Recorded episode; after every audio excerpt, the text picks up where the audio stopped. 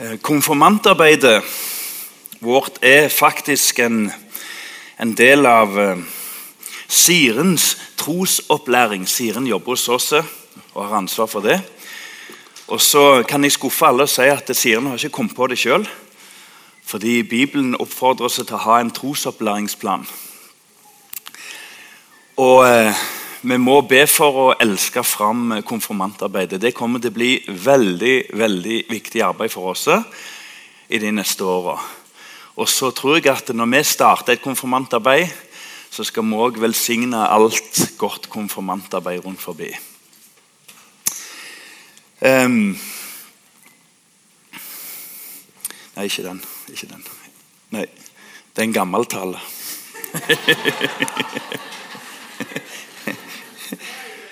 Til slutt er det noen som skulle ønske jeg hadde den, heller. ok. Um, vi holder på med visittkortet vårt. Vi tar en liten pause i vår fra gjennomgang av enkelte bøker. Og nå eh, forsker vi litt på den og prøver å få den til å sette seg iblant oss. Og Vi er kommet altså til stikkordet 'engasjert'. Og engasjert er ikke først og fremst en ytre ting. Det er ofte et resultat av det som er på innsida. Men eh, jeg bare sier en liten ting først. Eh, rett etter jul så hadde vi en eh, tale om forvaltning og det å få lov å være med og gi. Og jeg vil bare dra en liten overgang her nå, fordi Bibelen taler om førstegrøten.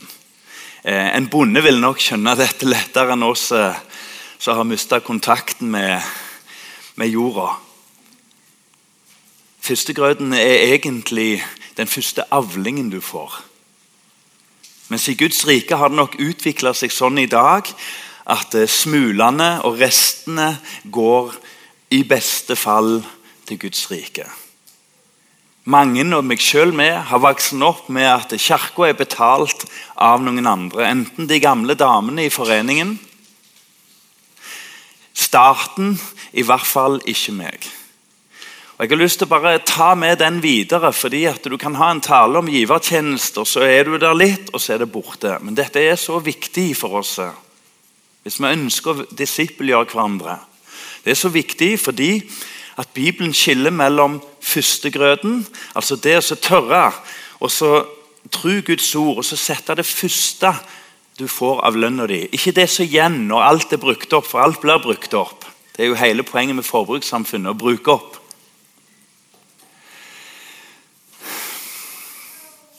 Bibelen skiller mellom førstegrøten og barmhjertighetsgaver. Og Det å få lyst å gi i dag det er flott. For du ble grepen av noe, du lytta til noe, og, eller ansvarligheten kommer til deg. Og så tenker du i dag vil jeg gi. Men det er strengt tatt en barmhjertighetsgave. Og Barmhjertighet er viktig, men Guds rike det bygges på langsiktighet, forpliktelse og det gir store velsignelser. Så Jeg har lyst til å fortsette å oppfordre dere til å gå rundt og sette styret først deg sjøl i frihet. For den som prioriterer Guds rike først, angrer ikke. Og så har jeg lyst til å si at det òg er med å sette styret og ledelsen i frihet. Så de slipper å gjøre all verdens krumspring for å få ting og tang økonomisk til å gå opp. Tenk om vi kunne få være et fellesskap som hadde lett for å gi, og smakte på gleden av å tro Guds ord og gi førstegrøten. Så vi setter pris på barmhjertighetsgaver, men det som jeg tror røyner mest og har fått mest bank i ei tid vi har mer penger enn noen gang, det er nok førstegrøten. Dette her å sette av en fast sum hele veien. Og så er det så flott, for Gud utfordrer oss til å gi det vi har tro for. Det vi har tro for. Herre Jesus, jeg vil være med og be prise ditt navn. Fordi at du er på tronen. Du er kongen. Og så har du invitert oss inn.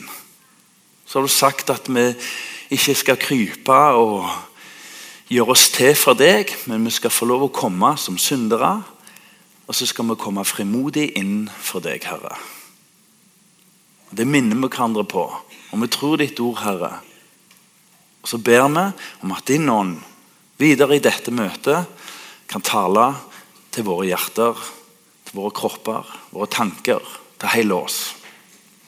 Så ber vi for våre barn, og vi ber for alt Guds arbeid akkurat nå i Klepp. Amen. Ja, eh, jeg har med litt eh, ting og tang. Får vi. Jeg følte meg litt dum men jeg sto og kjøpte dette her. Men eh, det var sikkert bare noe jeg ikke trengte tenkt på. Men jeg har med litt steiner og noen krukker. Og det kommer til å handle om tid. Tiden. Og eh, ca. 2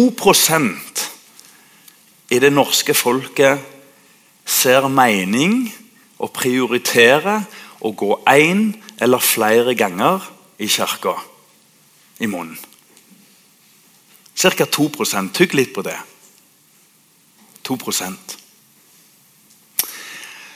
Så når eh,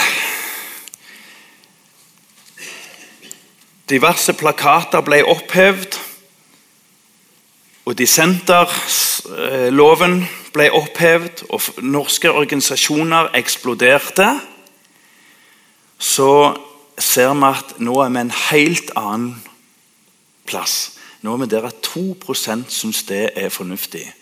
Hvis du treffer en orienteringsløper, som min far f.eks., så kan du tenke at vi er i samme båt. Ca. 2% Så er det 100 stykker, så kan du anta at ca. to springer orientering. Og der er vi. En kan egentlig bli litt sånn deprimert av det faktum at de aller, aller fleste mennesker ikke søker Guds rike. I den forstand at de fire b-ene bokstavelig talt søkes. Og Da må vi av og til til fellesskap. Bibelen er veldig tydelig på at du kan ikke leve et kristenliv ene og alene i et lønnkammer. Hva Gud har velsigna mennesker i fengsel med, er en helt annen sak. Men 2% søker Guds rike og fellesskapet eh, som det deler. Og Da må vi gå til trosbekjennelsen, for ellers kan vi bli litt deprimerte. Den leste vi nettopp. Og det, Trosbekjennelsen er ikke en tillegg til Bibelen, det er egentlig et utdrag og en konsentrert, nøye sammensett eh, eh kjerneutvelgelse fra Bibelen. Og Der leser vi én hellig allmenn kirke. Jeg har mange ganger tenkt på hva betyr det der allmenn. Kan det være alminnelig? Ja. En alminnelig kirke. Det betyr for oss at eh, Gud hadde ikke tanken om først og fremst å samle en elite for å forandre jorda og de som bor på den. En hellig allmenn kirke. For det første så må han være hellig. Og hellig er han i kraft av de som bærer helligheten på to bein. Altså det levende tempel, den som tror på Jesus Kristus. Jesus spør et spørsmål til Peter. Elsker du meg? Så de som elsker Jesus og vil følge han, er de hellige. Hvis vi koker det ned. Men så sier òg forklaringen at eh, der Guds ord forkynnes rett, og sakramentene forvaltes rett, der er det ei sann kirke. Og så tenker du hva har det med meg å gjøre? Jeg detter helt av. Ja, kanskje. Men tygg nå litt på det der. En hellig Altså, Vi må ikke bli frista til å la være å la det hellige være hellig, og så blir alt likt. Jeg har prøvd å sagt mange ganger at sekularisering er et litt vanskelig ord som egentlig betyr noe litt lett. Det betyr at alt er likt. Alt er flatt. Det er ingen forskjell. Det er ingen hellig søndag. Det er ingen hellig nattverd. Alt er vel det samme.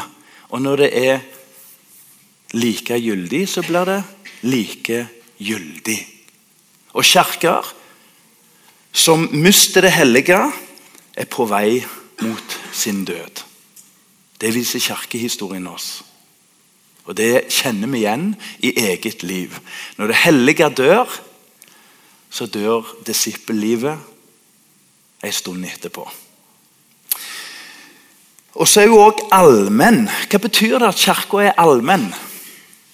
Ja, Det kunne vi sagt mye om. Men hvis vi skal si det litt enkelt, så er det at Gud velger ikke ut en elite. F.eks. Lukas, legen. Jeg vil ha leger og likesinnede. Eller han går og velger ut sånne gjennomføringspersoner som Peter, kraftfulle folk, fiskeren. Som bare står opp om morgenen og vet at i dag skal vi få dette gjort. Vet du hva? Gud velger ikke først og fremst de beste, men Gud velger de som lar seg omvende.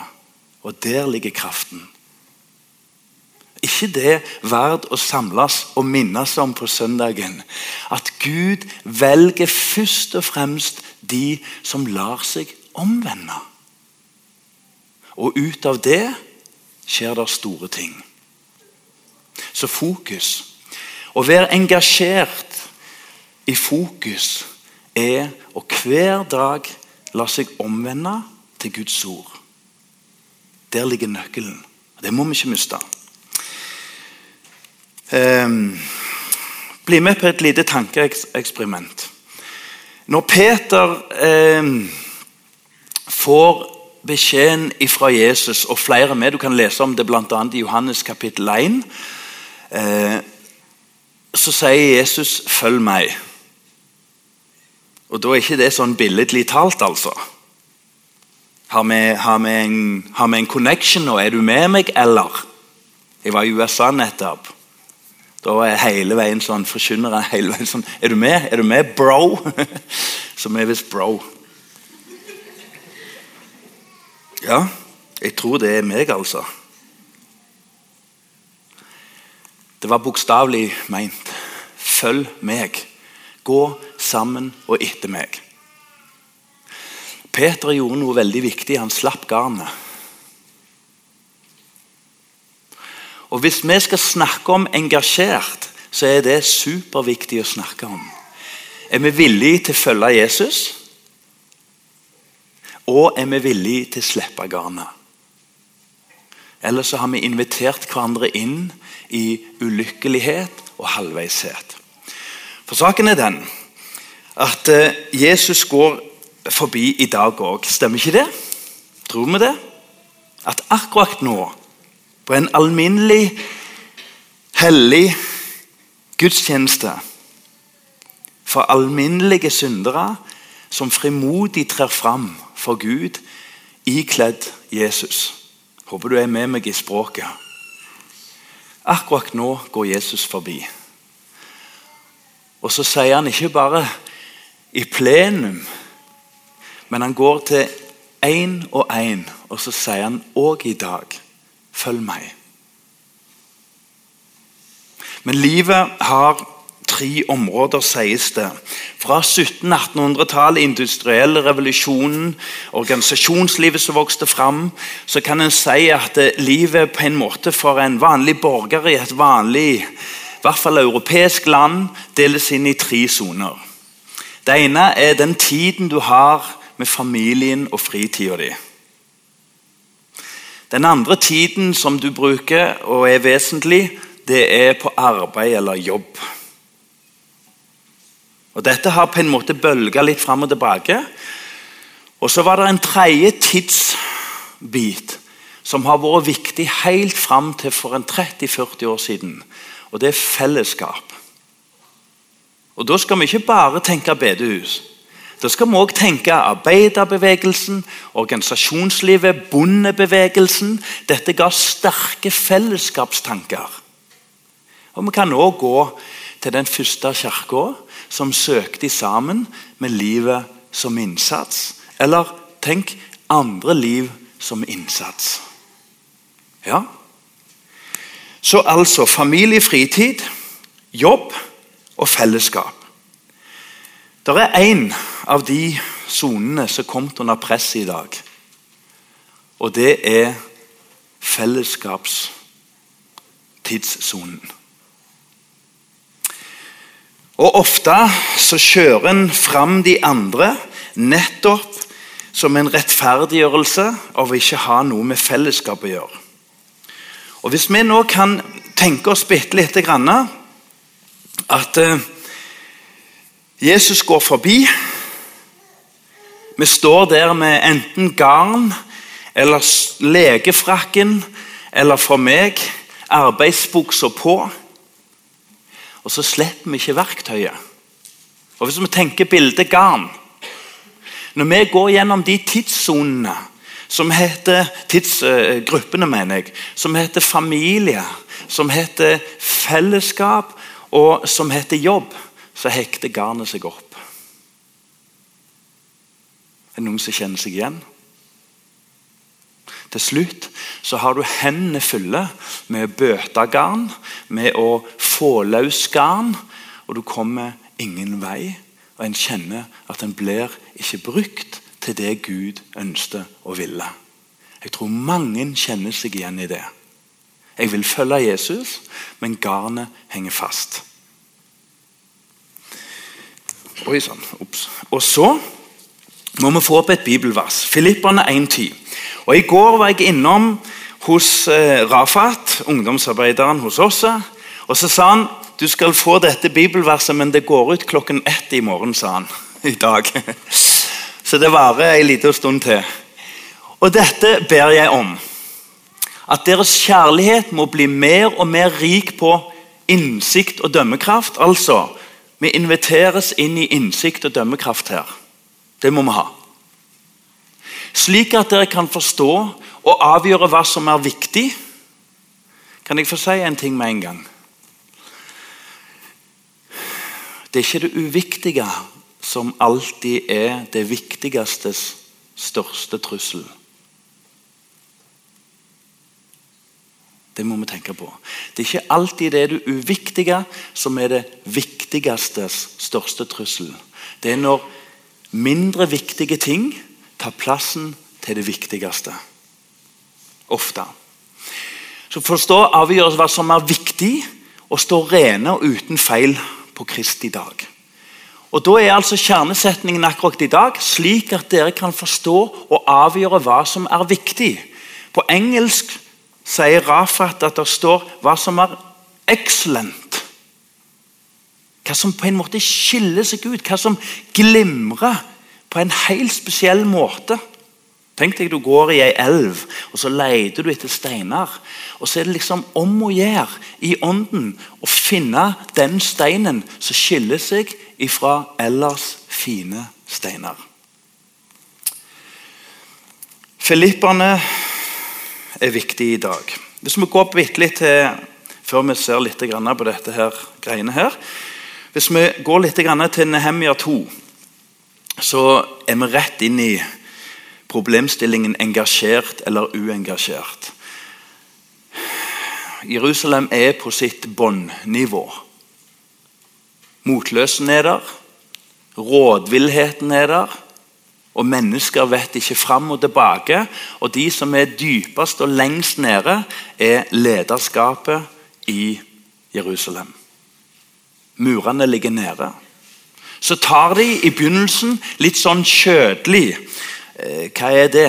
Jo, det er liksom Du bare tar deg sammen. Litt som Edvin sier, gjør så godt du kan. og så begynner de å bygge. Og På den 26. dagen da er alt så åpent, og Nehemja har venta lenge nok til å vite at nå slår jeg til. Så samler han folket, og så taler han inn Guds ord til dem. For det er kun Guds ord som virkelig og på dypt, dypt nivå kan skape engasjement. Og Da står det i verset utover at de jobbet kraftfullt på muren. Er ikke det flott å få være med og gjøre noe kraftfullt? Noe som viser igjen? Jeg har veldig lyst til at fokus skal vise igjen i bygda. Ikke for min del, men for Guds rikes del. Noe kraftfullt. Noe som river dører og sprenger, sprenger låser og går langt ut. Det har jeg lyst til å være med på. De jobbet kraftfullt. Og så står det at de jobbet side om side. Hvis du står en 50-60 meter unna og skal lære hvordan du bygger en mur, eller bare sitter på en kafé inne i byen og vet de holder på her ute, så jeg vet hva det går i. Nei, de jobbet side om side. Og Vi ønsker å utvikle en lederkultur i fokus. Ta det helt med ro. Jeg tror ikke du kommer til å få knust fokus sånn du ser det for deg. Men det betyr at eh, ledere må jobbe med lederskap. Og så betyr det at vi alle i sammen må få opp en side om side-kultur. Som gjør at når Aslak står foran og forkynner, så kan han ikke tenke at du gjør det til du ikke orker mer, dø eller falt fra eller et eller annet sånt. Nei, jeg må være med og lete etter andre forkynnere. Hvis du er med i barne- og ungdomsarbeid, øyenstenen vår, så er litt av kulturen vår, litt av DNA-et vårt, at vi leter hvem kan stå på siden av meg. Hvis du er smågruppeleder eller hus, eh, eh, eh, leder i, i, i gruppene våre, så ligger det liksom helt sentralt i oss at vi hele veien leter hvem kan komme opp på sida. Det kjekkeste er, er at når det kommer bedre trommiser enn deg sjøl. Er det ikke det? Ja. Og Så står det en ting til. Når de hadde holdt på Guds ord hadde fått tak i dem, i bunn og grunn ånden som ga liv til arbeidet, så står det at eh, de jobbet fra hjertet. står der. Bygde de muren. Fra hjertet. Gud fikk en helt ny plass. Det var ikke hender som tok tak, eller bare rå viljekraft. Men det kom ifra det indre, og det syrna kroppen på en god måte. Så alt var dreven ut ifra Gud sjøl. Senere kan en kalle det Kristi kropp. Åndens tempel. Vi kan bruke mange ord. I hvert fall så sier Salme 110 og vers 3 Villig kommer ditt folk. Har du hørt sangen? Villig kommer ditt folk. Jeg tror vi tar eh, Hvis vi kan få fram Elisabeth Hun Elisabeth med nytt etternavn. Det får dere spørre om sjøl. For meg er hun Engedal ei stund til. Men det får være. Ehm, jeg må få litt hjelp. Og Det går litt på dette tidsregnskapet. For jeg ønsker og håper, og det tror jeg vi alle, at det i fokus både i enkeltmøter der du er på jobb, i familien din, og ikke minst òg her i fellesskapet, så ønsker jeg at folk skjønner at her er mennesker engasjerte. De virkelig tror dette. De virkelig vil dette. På alle plan. Det er fantastisk å sitte i salen og sitte og se at eh, folk synger høyere enn de framme. Det er en hel sal som vil det. Men vi må se bitte litt på tids- og verdibasert tidsstyring. Um, hvis vi får fram en modell nå fra en som heter Stephen Covey vet ikke om jeg har sett den, Det var en gang tror jeg, på 80-tallet. Så lagde han en modell Elisabeth, som eh, gikk litt på prioriteringer. Og Nå legger jeg noen steiner her til deg, som heter familie, som heter Gud, som heter ferie. Har du det? ja. Som heter trening, som heter jobb, som heter venner og vi kunne hatt flere andre. Jeg hadde en idé om at plutselig så blir en slektning eller venn sjuk. Alt må liksom organisere om igjen. Men den steinen får vi bare tenke oss. Men livet er nemlig sånn for Elisabeth og for Aslak og for de fleste av oss at fra fødsel og framover så fylles livsbegeret med mange små steiner. Det er ikke til å komme utenom. Netflix kan være en av de. Kjenner vi det? En mengde gjøremål som fyller hele dagen. Og Nå kunne jeg tenkt meg Elisabeth, at du velger litt ut steiner. Utfordringen din er at livet har en grense. Du kan ikke bare fylle på og fylle på. Så du får ikke lov å toppe den. Det må gå flush med kanten. Så nå vil jeg se hva du velger ut. Gud. Ja, ikke verst.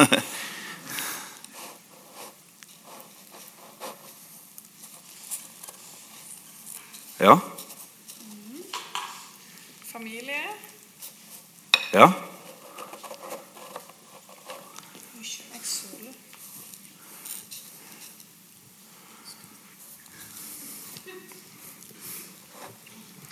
Ehm, venner. Ja.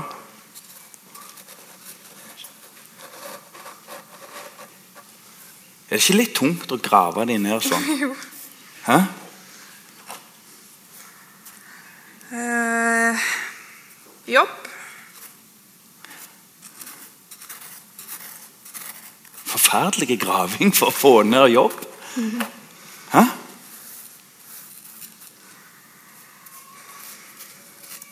Det er kanskje plass til ferie òg. Ikke med den gravinga du holder på med. For nå er ferien for Du er i august, nå.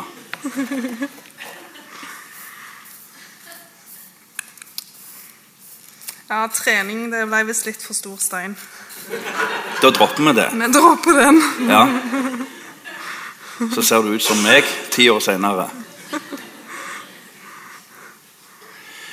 Vet du hva? Vi har bare plukket ut noen steiner. Hvis vi gjør motsatt og tenker at eh, To sekunder. Hvis vi gjør motsatt, Elisabeth, og så tenker vi sånn som dette Tar du ut steinen? Jeg er helt sikker på at dere har sett dette eksempelet før. Noen av dere. Men tenk om vi lot Elisabeth få begynne om igjen. Og så legger du noen steiner nedi som du syns er viktige. I den. Ja? For du får begynne livet ditt om igjen. Gud. Mm. Familie. Ja. Venner. Mm. Jobb. Ferie. Og trening. Men har du sett, altså? Så enkelt. Hæ? Og trening bare gikk rett oppi. Hæ? Og så begynner vi her, for det som er dumt, da, vet du, det er at eh, da ryker både det ene og det andre. Netflix ryker, ro for deg sjøl ryker, fellesskap med han du er gift med ryker, som jeg tror jeg vet hvem er. Skal vi se her.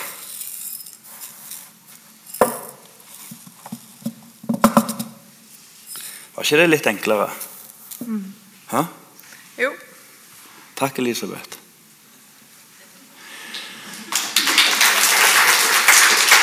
Vet du hva? Um, er det noen som kjenner seg igjen når de store steinene skal på plass til, til, til begynnelsen? Nei, til slutt. Og så tar han tak her i livet. Og så tenker han at nå må Gud inn. Og så vet han at dette skal egentlig gå opp. Det skal gå an, dette her. Det skal ikke bli sånn at den som søker Gud, ender på en påle. Simon på pålen. Har dere hørt om han? Han som bare satt oppå der og søkte Gud på en sånn måte at han ville ikke ha så mye som en stein. De måtte komme med maten til han. For når vi prøver å få inn Gud for eksempel, som bilde på, på fellesskapet med Gud, og alle fire b-ene og tjenesten og nådegavene, så prøver vi, og så opplever vi det forferdelig arbeidsomt. For det må liksom dyttes ned i de små tinga. En sier at det som er verdi for deg, er det du bruker tid på. Kan vi være ærlige i ei uke? Sølve utfordrer oss til ikke baktale i ei uke. Stemmer ikke det, Sølve? Kan vi være ærlige òg på ei annen side i ei uke og prøve det? Og ikke gå inn i og ikke gå inn i tanken om at Jeg Bare finne fram den to sekunder.